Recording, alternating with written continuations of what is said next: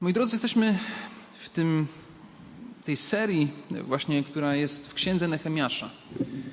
Księga Nehemiasza jest to jedna z ksiąg Starego Testamentu, która opowiada o wyjątkowym czasie w historii Izraela, kiedy człowiekowi imieniu Nehemiasz Bóg stawia na sercu albo sprawia, że on ma świadomość pewnego zadania, które jest do wykonania.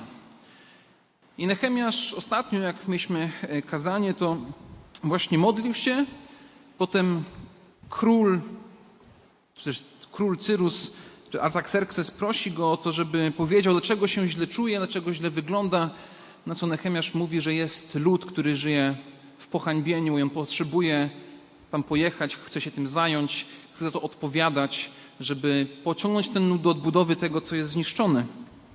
Więc tematem księgi Nehemiasza jest odbudowa, jest odnowa. I dzisiaj mamy ten moment, kiedy Nehemiasz już jedzie do Jerozolimy. Będzie zastanawiał się nad tym, co tu zrobić, jak to zrobić. A równocześnie ma takie krótkie, powiedzmy, porywające przesłanie do tego ludu, aby właśnie zachęcić ich do tego, żeby dołączyli do tego dzieła.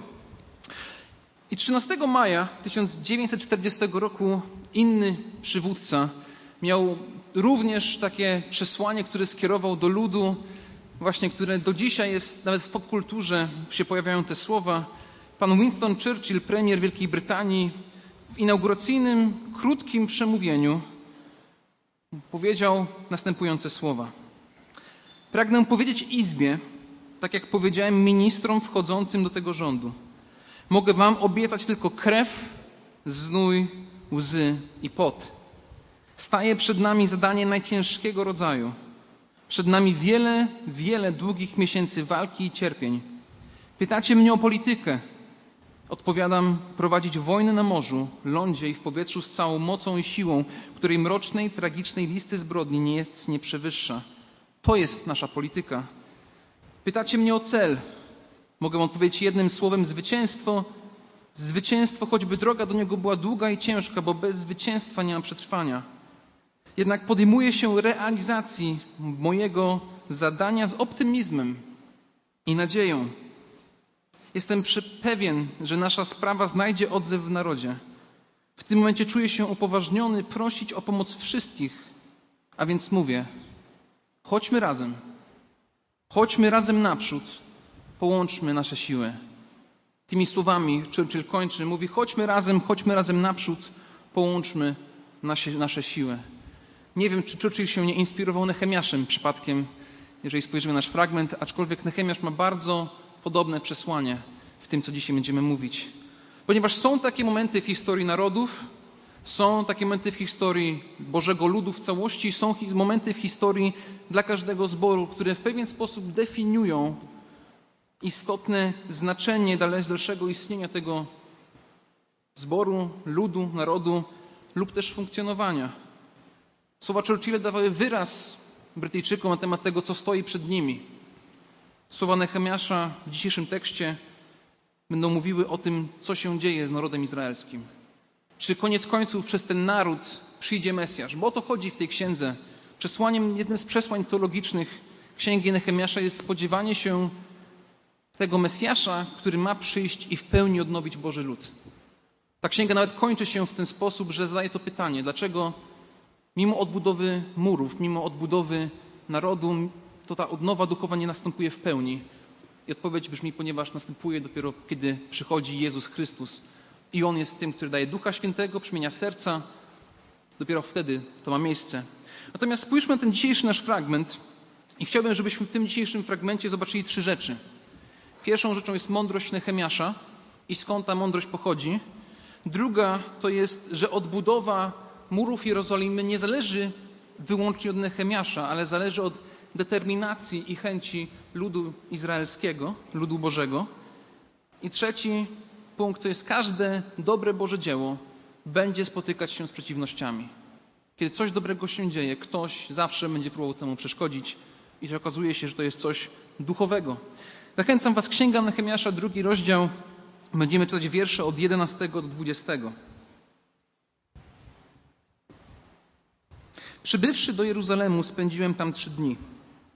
A potem zerwałem się nocą, ja i kilku mężów ze mną, nikomu nie wyjawiwszy, jaką myślą natchnął mnie mój Bóg, aby czegoś dokonać dla Jeruzalemu. A miałem ze sobą tylko to zwierzę, na którym jechałem. I przyjechałem nocą przez bramy nad doliną w kierunku źródła smoczego i dotarłem do bramy śmietnisk i badałem dokładnie mury Jeruzalemu, które były zburzone i jej bramy strawione przez ogień. Potem pojechałem do bramy źródlanej i do stawu królewskiego, a ponieważ nie było tam miejsca, aby zwierzę, na którym jechałem, mogło tamtędy przyjechać, poszedłem piechotą pod osłoną nocy, korytem potoku i obejrzałem dokładnie mur. Potem zawróciłem, szedłem przez bramę nad doliną i tak powróciłem. Lecz przełożeni nie wiedzieli, dokąd się udałem i co chcę uczynić.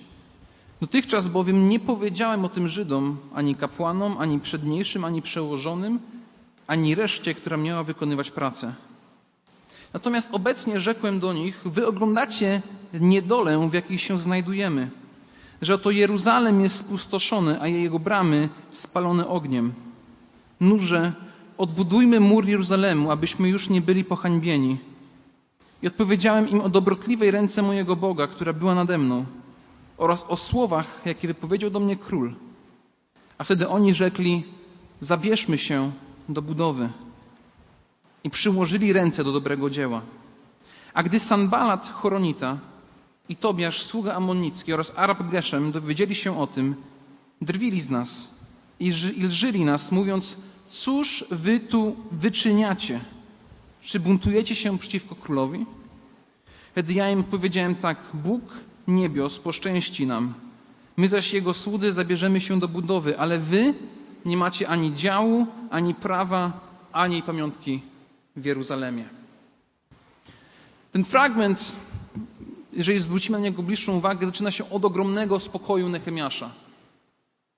Zaczyna się od tego, że on nic nie robi pochopnie, on przyjeżdża do, Jerozolimy i nie panikuje, wręcz przeciwnie. Zwróćcie uwagę na wiersz 11 jest napisane: Spędziłem tam trzy dni. A dopiero w wierszu 12 czytamy: A potem zerwałem się nocą, ja i kilku mężów ze mną. Więc Nechemiasz przyjeżdża do Jerozolimy, przyjeżdża, pokonuje kawał drogi z Asyrii do Izraela, do stolicy, do Jerozolimy. I ta podróż w tamtych czasach mogła zajmować nawet cztery miesiące. Jazdy na koniach, na wielbłądach, to nie była taka podróż, tak jak dzisiaj często bywa, kiedy ktoś podróżuje w celach biznesowych, to często firmy wynajmują na przykład, jak ktoś leci przez pół świata, wykupują biznes klasy, żeby ktoś, kto ma pracować, był wypoczęty, tak? Siada, leci, śpi w samolocie, budzi się rano, jest wypoczęty, gotowy do działania. Nechemiasz nie ma tego luksusu. On musi odpocząć po czteromiesięcznej długiej podróży w suchym, gorącym klimacie. Więc to jest też taki może prosty wniosek, warto odpoczywać, kiedy człowiek jest zmęczony. To jest bardzo praktyczny, aczkolwiek nie główny wniosek dzisiejszego kazania. Ponieważ poza odpoczynkiem pojawia się tu coś o wiele ważniejszego. Natomiast owszem odpoczywa, ale ten spokój, odpoczynek jest wynikiem czegoś głębszego. Jest wynikiem jego osobistego polegania na Bogu, jego, osobistego, jego osobistej świadomości tego, że Bóg nad wszystkim czuwa i czuwa nad zadaniem, którego on się ma podjąć. I skąd to wiemy? Z wiersza 12 i 18, gdzie Nechemiasz mówi, a potem zerwałem się nocą, ja i kilku mężów ze mną, nikomu nie wyjawiwszy, po pierwsze, jaką myślą natchnął mnie mój Bóg, a potem w wierszu 18 czytamy i opowiedziałem im o dobrotliwej ręce mojego Boga, która była nade mną. To jest przekonanie Nechemiasza od początku do końca. Dlatego on się modli, dlatego on działa, dlatego on planuje i dlatego może spać spokojnie, ponieważ wie, że bez względu na okoliczności dobra ręka jego Boga spoczywa nad nim. Ta prawda, ten obraz Bożej ręki, to jest obraz Bożej pomyślności, Bożej łaski, Bożego błogosławieństwa nad człowiekiem. I widzimy to samo w, chociażby w dziejach apostolskich, gdzie czytamy, że i ręka pańska była z nimi. Wielka też była liczba tych, którzy uwierzyli i nawrócili się do Pana. W pierwszym liście Piotra czytamy: Ukuszcie się więc pod mocną ręką Bożą, aby was wywyższył czasu swego. Ukuszcie się więc pod mocną ręką Bożą, aby wywyższył czasu swego. Ten obraz, to stwierdzenie być pod ręką Bożą jest stwierdzeniem Bożej pomyślności, jest stwierdzeniem Bożej opieki i Bożego panowania nad dowolną okolicznością naszego życia. A naszym zadaniem jest ufności Niemu, poddawać się pod Jego panowanie. Drogi bracie, droga siostro, czy wierzysz w to, że Boża dobrotliwa, suwerenna ręka czuwa nad Twoim życiem? Czy wierzysz i wiesz to, że Boża dobrotliwa, suwerenna ręka czuwa nad tym zborem? Czy jesteś przekonany, przekonana o tym, a co w związku z tym, czy żyjesz w zgodzie z tym przekonaniem?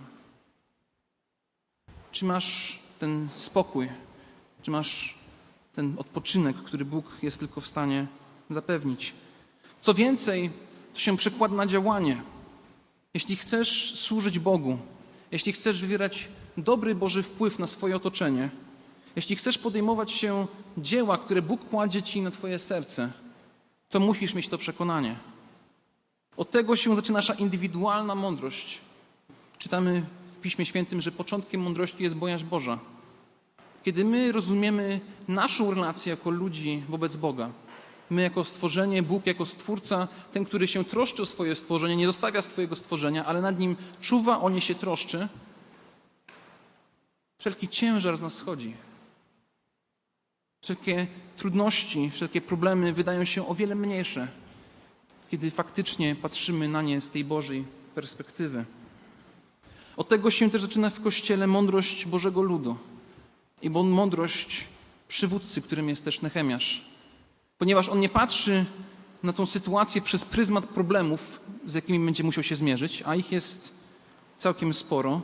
On nie polega wyłącznie na ludzkich wysiłkach, nie mówi dobrze, to teraz my wyłącznie będziemy tutaj działać i może Bóg nam pomoże. Wręcz jest odwrotnie.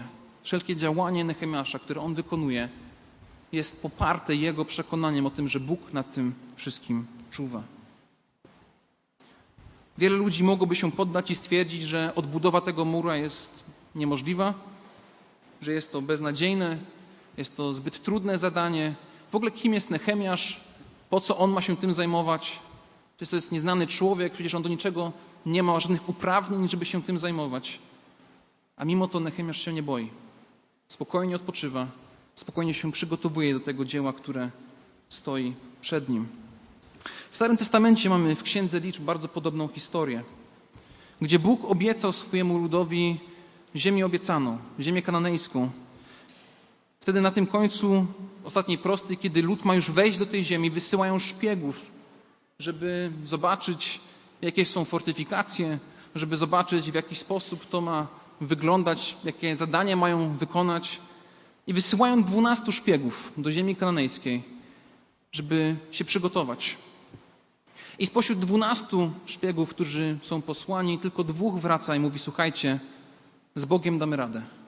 Z Bogiem jest to możliwe. Jest to Jozue i Kaleb, którzy powiedzieli tak: Jeśli Pan ma w nas upodobanie, to wprowadzi nas do tej ziemi i da nam tą ziemię, która pływa w mleko i miód. Tylko nie buntujcie się przeciwko Panu, nie lękajcie się ludu tej ziemi, będą oni naszym pokarmem. Odeszła od nich osłona, a Pan jest z nami. Nie bójcie się. To jest przekonanie ludzi, którzy widzą szerszy obraz.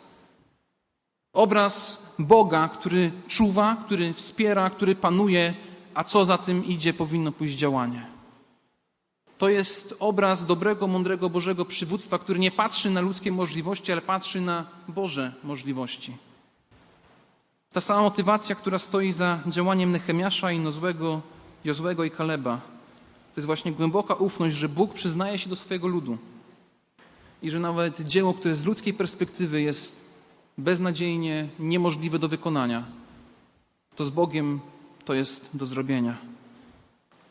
A dzieło, które Nehemiasz ma przed sobą, nie należy najprostszych. Mury są zniszczone, brama jest zniszczona, ludzie są zniechęceni, a mimo to coś trzeba z tym zrobić. Widzimy to w wierszach od 12 do 15 gdzie Nehemiasz objeżdża całą południową część miasta, oglądając mury. Czytamy, że przechodzi przez nocną bramę, przez bramę nad doliną, potem w kierunku źródła smoczego i potem brama śmietnisk, potem brama źródlana i potem staw królewski. Potem się okazuje, że już nie może na koniu jechać, więc schodzi z konia, idzie na piechotę i obserwuje to wszystko i to zaczyna planować. Pytanie, które gdzieś z tyłu głowy powinno się pojawić, dlaczego to wszystko? Dlaczego w ogóle Nechemiasz robi to, robi to w nocy? On tutaj w tych pierwszych wierszach Nechemiasz nikomu o tym nic nie mówi. Czytamy, nikomu nic nie wyjawiwszy, a potem wiersz 16, lecz przyłożeni nie wiedzieli, dokąd się udałem i co chcę uczynić. Nechemiasz robi to po cichu, w skrytości, żeby przygotować z jakiego powodu. W Księdze Przysłów jest napisane, kto strzeże swoich ust, zachowuje swoje życie, kto zaś nie powściąga swoich warg, gotuje sobie zgubę. Odpowiedź na to, dlaczego Nechemiasz robi to w ten sposób, jest mądrość. Ponieważ mądry przywódca nie będzie wyjawiał swojego planu zawczasu, kiedy jeszcze nie ma pełnego oglądu sytuacji. Nie może się z tym jeszcze dzielić, nie ma pewnych działań, które jest gotowy podjąć, nie ma tego zaplanowanego, więc nie ma sensu i nie ma potrzeby, żeby tego to przekazywać, bo to po prostu może siać jakieś niezrozumienie. Musiał sam tą wiedzę posiąść, dlatego on jedzie. To jest takie location spotting. Nawet dzisiaj, kiedy są jakieś wydarzenia, jakieś muzyczne koncerty, to często ktoś jedzie najpierw sam, żeby zobaczyć, jak wygląda sala koncertowa, zobaczyć, czy ona będzie spełniała jakby wymogi. Ktoś zaczyna chce budować, też często jedzie zobaczyć, jakie będzie miejsce na budowę. I Nehemiasz robi dokładnie to samo. On jedzie, ocenia, sprawia tak, żeby było dobrze. Po drugie, ta wiedza dopiero ma przygotować, ma pomóc mu przygotowanie planu działania dla ludzi. Dopiero z tą wiedzą będzie mógł z ludźmi porozmawiać, powiedzieć: Ej, słuchajcie, wiem, jak to wygląda i wiem, że to jest możliwe do zrobienia. Nikt nie będzie mógł zarzucić tego, że ty nic nie wiesz. Przecież ty tu nie mieszkasz. Ty z jakiejś Asyrii do nas przyjeżdżasz. Ty, Nehemiaszu, jakby wracaj tam do Asyrii. Jakby tutaj, tutaj nie. Nehemiasz robi odwrotnie. On sprawdza, bada i potem może się tym dzielić. A po trzecie, trudność, jaka tu się pojawia, jest taka, że są wrogowie, którzy czyhają, zastanawiają się, boją się tego, co tu ma mieć miejsce.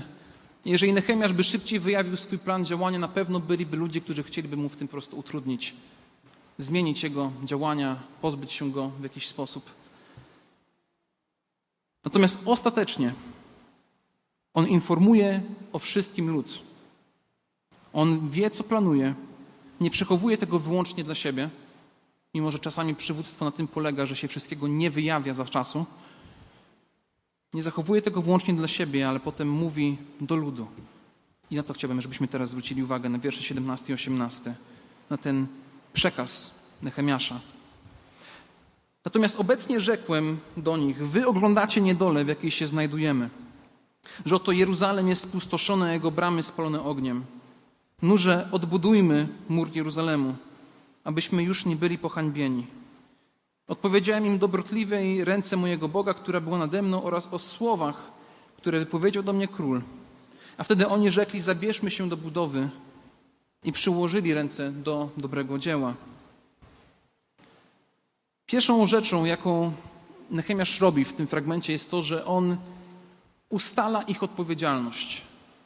On ustala, że to nie za, za ten stan rzeczy, poprawę tego stanu rzeczy oni odpowiadają.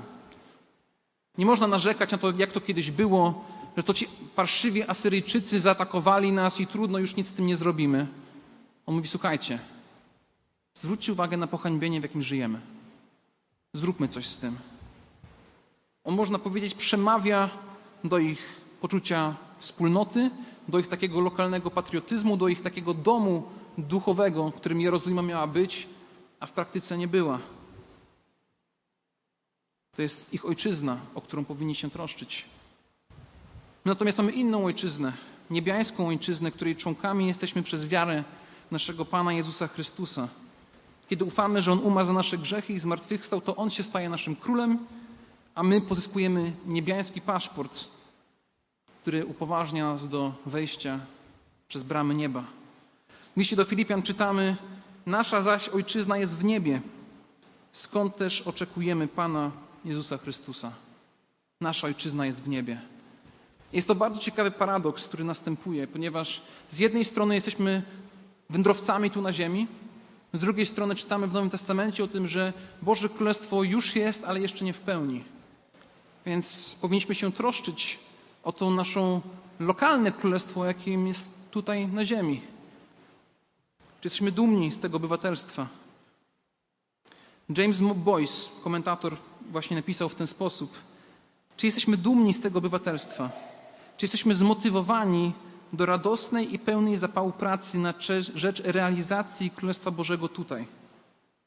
Jest praca do wykonania, mury do odbudowania. Poza tym, w przeciwieństwie do zwykłej ziemskiej budowli z czasów Nehemiasza, to, co mamy budować, to prawda, charakter, dobre uczynki i to jest trwałe. Składamy duchowe ofiary z naszego życia. Nie musimy już fizycznie troszczyć się o coś, ale jest to coś duchowego. Nasze duchowe dobro wspólne, o które powinniśmy się troszczyć.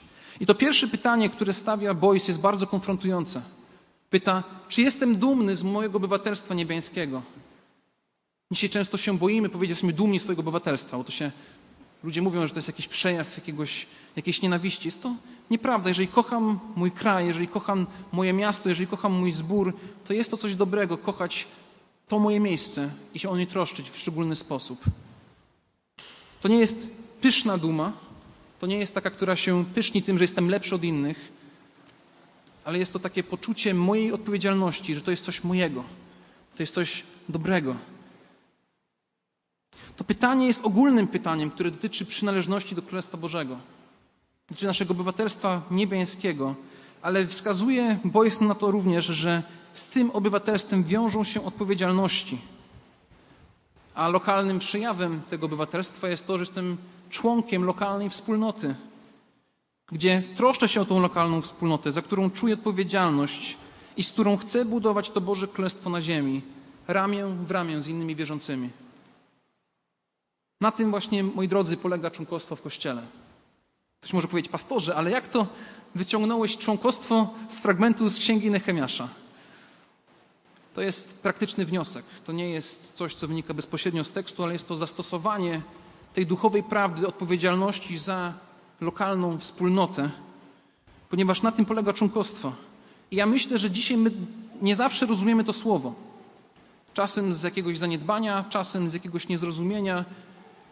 Nie wiem, nie wiem jakie temu są powody, ale bardzo często jest tak, że ludzie mówią o tym, że są członkami, ale tak naprawdę nie rozumieją, co to znaczy.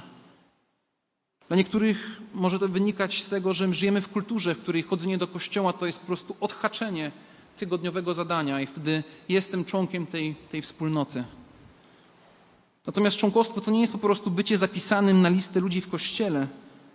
Członkostwo to nie jest czucie, że jest się członkiem danej wspólnoty, bo ja czuję, że jest to mój duchowy zbór. Jest to mój duchowy dom. Jeśli tak jest, to pięknie, chwała Bogu za to. Ale samo odczucie nie sprawia, że człowiek staje się członkiem. Jeżeli ja się czuję członkiem, mieszkańcem miasta Nowy Jork, a nie jestem częścią tej lokalnej wspólnoty Nowego Jorku, to nie, nie mieszkam w Nowym Jorku. Mogę się czuć jako Nowojorczyk, ale to nie sprawia ze mnie Nowojorczyka.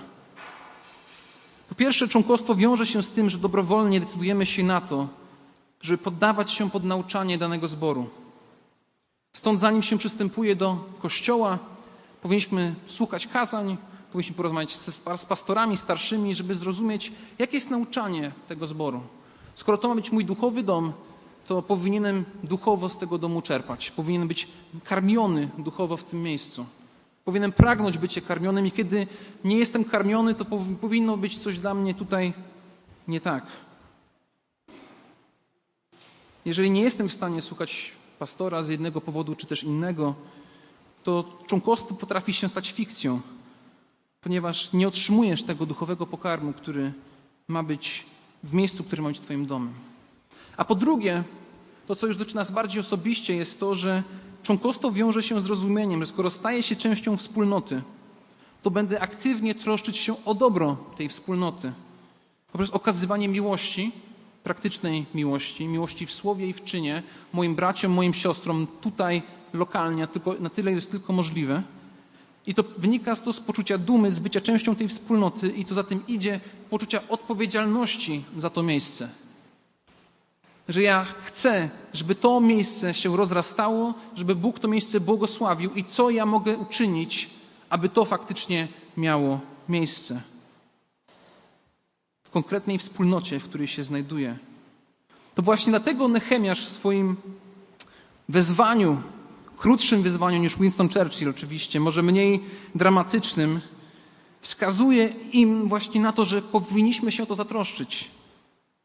On mówi: odbudujmy to razem, wspólnie, zatroszczmy się o to. On się z nimi utożsamia. On nie mówi teraz ja to zrobię, a wy patrzcie, jak to się będzie działo. On mówi razem o to się zatroszczmy. On jest świadomy tego, że Bóg, które zdanie położył mu na sercu, jest zadaniem całego ludu, całej wspólnoty, a nie tylko jednej konkretnej osoby, która stanie na czele. Nehemiasz sam nie byłby w stanie odbudować tego muru. Byłoby po prostu niemożliwe. Natomiast jak zobaczymy, kiedy każdy, to jest kolejny rozdział bardzo piękny, gdzie każdy ramię w ramię buduje swój kawałek muru, mur bardzo szybko powstaje i do dzisiaj ten mur można zobaczyć w Jerozolimie. Także dosyć trwałe rzeczy zostały zbudowane. Mówi wspólnie, razem. Pojawiają się chęci i deklaracje odbudowy i wspólne działanie, że biorą faktycznie młotki, łopaty w dłoń, ruszają, działają, odbudowują.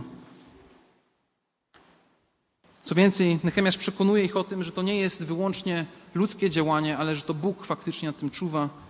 Mówi o dobrotliwa ręka mojego Boga, która była nade mną oraz słowach, które powiedział do mnie król. Do niej rzekli, zabierzmy się do budowy, i przyłożyli ręce do dobrego dzieła. I teraz tak, kiedy jest dobre dzieło, kiedy jest dobre Boże dzieło, to pojawia się wróg. Ten fragment pokazuje, że coś tu jest złego się zaraz dzieje. Tutaj pojawiają się ludzie, którzy się sprzeciwiają temu dziełu. I chciałbym krótko na to zwrócić uwagę. Ponieważ przeciwności, z jakimi musi się Nehemiasz mierzyć, to już nie są tylko ludzie, których musi przekonać, ale są to ludzie, którzy stoją w jawnej opozycji wobec Niego którzy chcą się Jemu sprzeciwiać. Czytamy o tym, że gdy Asanbalat Choronita, Tobiasz, sługa Monnicki oraz Arab Geszem dowiedzieli się o tym, drwili z nas i lżyli z nas, mówiąc, cóż wy tu wyczyniacie? Czy buntujecie się przeciwko królowi? Od razu pojawiają się drwiny, śmiechy, chichy, z jakimś podtekstem, z jakimś ukazaniem, no a co wy takiego robicie? A, a jak to? Kto wam na to dał zgodę? Macie pozwolenie budowlane? Tutaj kierownik jest tu jakiś, można z nim porozmawiać? Jest tu ktoś? Pojawiają się podteksty, pojawiają się śmiechy, pojawiają się chichy, ale to się pojawia wyłącznie z tego powodu, że ci ludzie się boją. Każdy z tych, który jest wypisany tutaj, to jest przedstawiciel jednego z narodów mieszkających w sąsiedztwie Izraela. I dla nich ogromnym strachem było to, żeby zobaczyć, że Bóg coś dobrego robi w tym państwie. Że Bóg coś dobrego chce uczynić, chce odbudować to miejsce. Ta interakcja jest po, podobna do postawy, która się pojawia w Ewangelii Mateusza w 27 rozdziale, gdzie czytamy: Wraz z nim ukrzyżowali wówczas dwóch złoczyńców, jednego po prawicy, a drugiego po lewicy. A ci, którzy przechodzili mimo, bluźnili mu, kiwali głowami swymi, mówili: Ty, który rozwalasz świątynię i w trzy dni ją odbudowujesz, ratuj siebie samego, jeśli jesteś synem Bożym, i stąp z krzyża. Podobnie arcykapłani wraz z ucznymi w piśmie i starszymi wyśmiewali się z niego i mówili: Innych ratował, a siebie ratować nie może. Jest królem izraelskim, to niech teraz stąpi z krzyża, a uwierzymy w niego. Zaufał Bogu, niech on teraz go wybawi, jeśli ma w nim upodobanie. Wszak powiedział: Jestem synem Bożym. Tak samo urągali mu złoczyńcy, którzy razem z nim byli ukrzyżowani. Jezus wisi na krzyżu, ma dokonać najwspanialszego dzieła ratunku ludzkości z grzechów, ma się stać ich ofiarą zastępczą. I zostaje ostatnia prosta, ostatni moment, kiedy faktycznie to jeszcze nie następuje, ale Jezus wisi, jest zmęczony, jest ubiczowany. I pojawiają się śmiechy, pojawiają się drwiny. Być może i w takiej nadziei, że nie uda mu się tego dzieła zrealizować. Nie dokończy tej ostatniej prostej. Mówią, nie udało ci się, nie potrafisz siebie uratować, co dopiero cały świat. Kim ty jesteś, Jezusie? I to, co się tu pojawia, to jest dokładnie to samo nastawienie w naszym fragmencie. To jest może trudne do opisania, ale słowa, które się pojawiają właśnie w tym fragmencie, mówią o dobru i złu. W kontekście pewnej duchowej rzeczywistości, która ma miejsce, kiedy coś dobrego ma miejsce, kiedy imię Jezusa Chrystusa ma być uwielbione, kiedy Kościół ma się rozwijać, to zawsze się pojawiają jakieś przeciwności. To właśnie moce ciemności tak działają i chcą przekonać ludzi, że to, co z Bogiem jest możliwe, że to, co Bóg mówi, że jest możliwe, to nie jest możliwe. Więc kiedy Nechemiasz mówi powstańmy do roboty, to mocy ciemności mówią siadajmy. Zajmijmy na miejsca.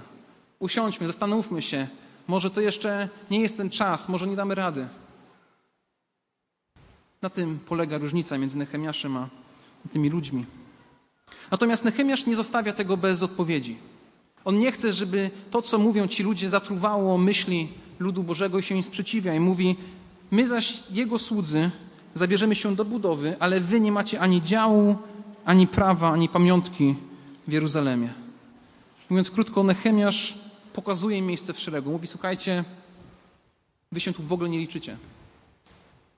To nie jest wasze zadanie, to jest nasze zadanie. Wy nie macie tu żadnego działu, nie macie nic do powiedzenia. Po prostu przestańcie się w ten sposób nas odzywać. To nie jest nic konstruktywnego, to nie jest coś, co nam pomoże. Chcecie nam przeszkadzać? Róbcie to w innym miejscu.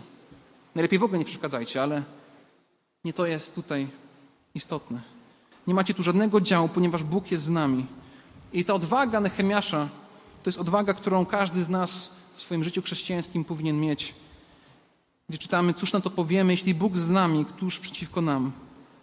Jest to cudowna prawda, która odwagi w tym, żeby się nie przyjmować głosami z zewnątrz, że po prostu ufając Bogu robić swoje, ponieważ i tak jakiekolwiek działanie mające na celu uwielbienie imienia Jezusa Chrystusa nie będzie postrzegane jako przychylne. I myślę, że to jest bardzo ważna myśl teraz. Moi drodzy, pamiętajcie o tym, że wszystkim dookoła nie dogodzicie. Można próbować, ale zawsze będzie ktoś, komu powinno w naszym życiu się coś nie podobać.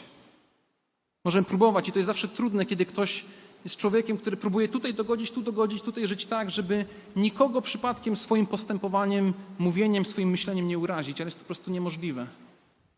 Ponieważ jeżeli żyjemy jako chrześcijanie w świecie, to spotkamy się w którymś momencie z jakimkolwiek sprzeciwem. Nasze postępowanie, nasze myślenie, naszą wiarę. Jest to dziwne, kiedy żyjemy w świecie i jednak nie ma żadnego sprzeciwu. Jest to dziwne, kiedy nikt się nam nie przeciwstawia w jakimś zadaniu w naszym życiu. To może oznaczać, że zbytnio się spoufalamy z tym, co nas otacza. Być może nasze świadectwo nie jest na tyle widoczne, być może Jezus nie jest w naszym życiu widoczny.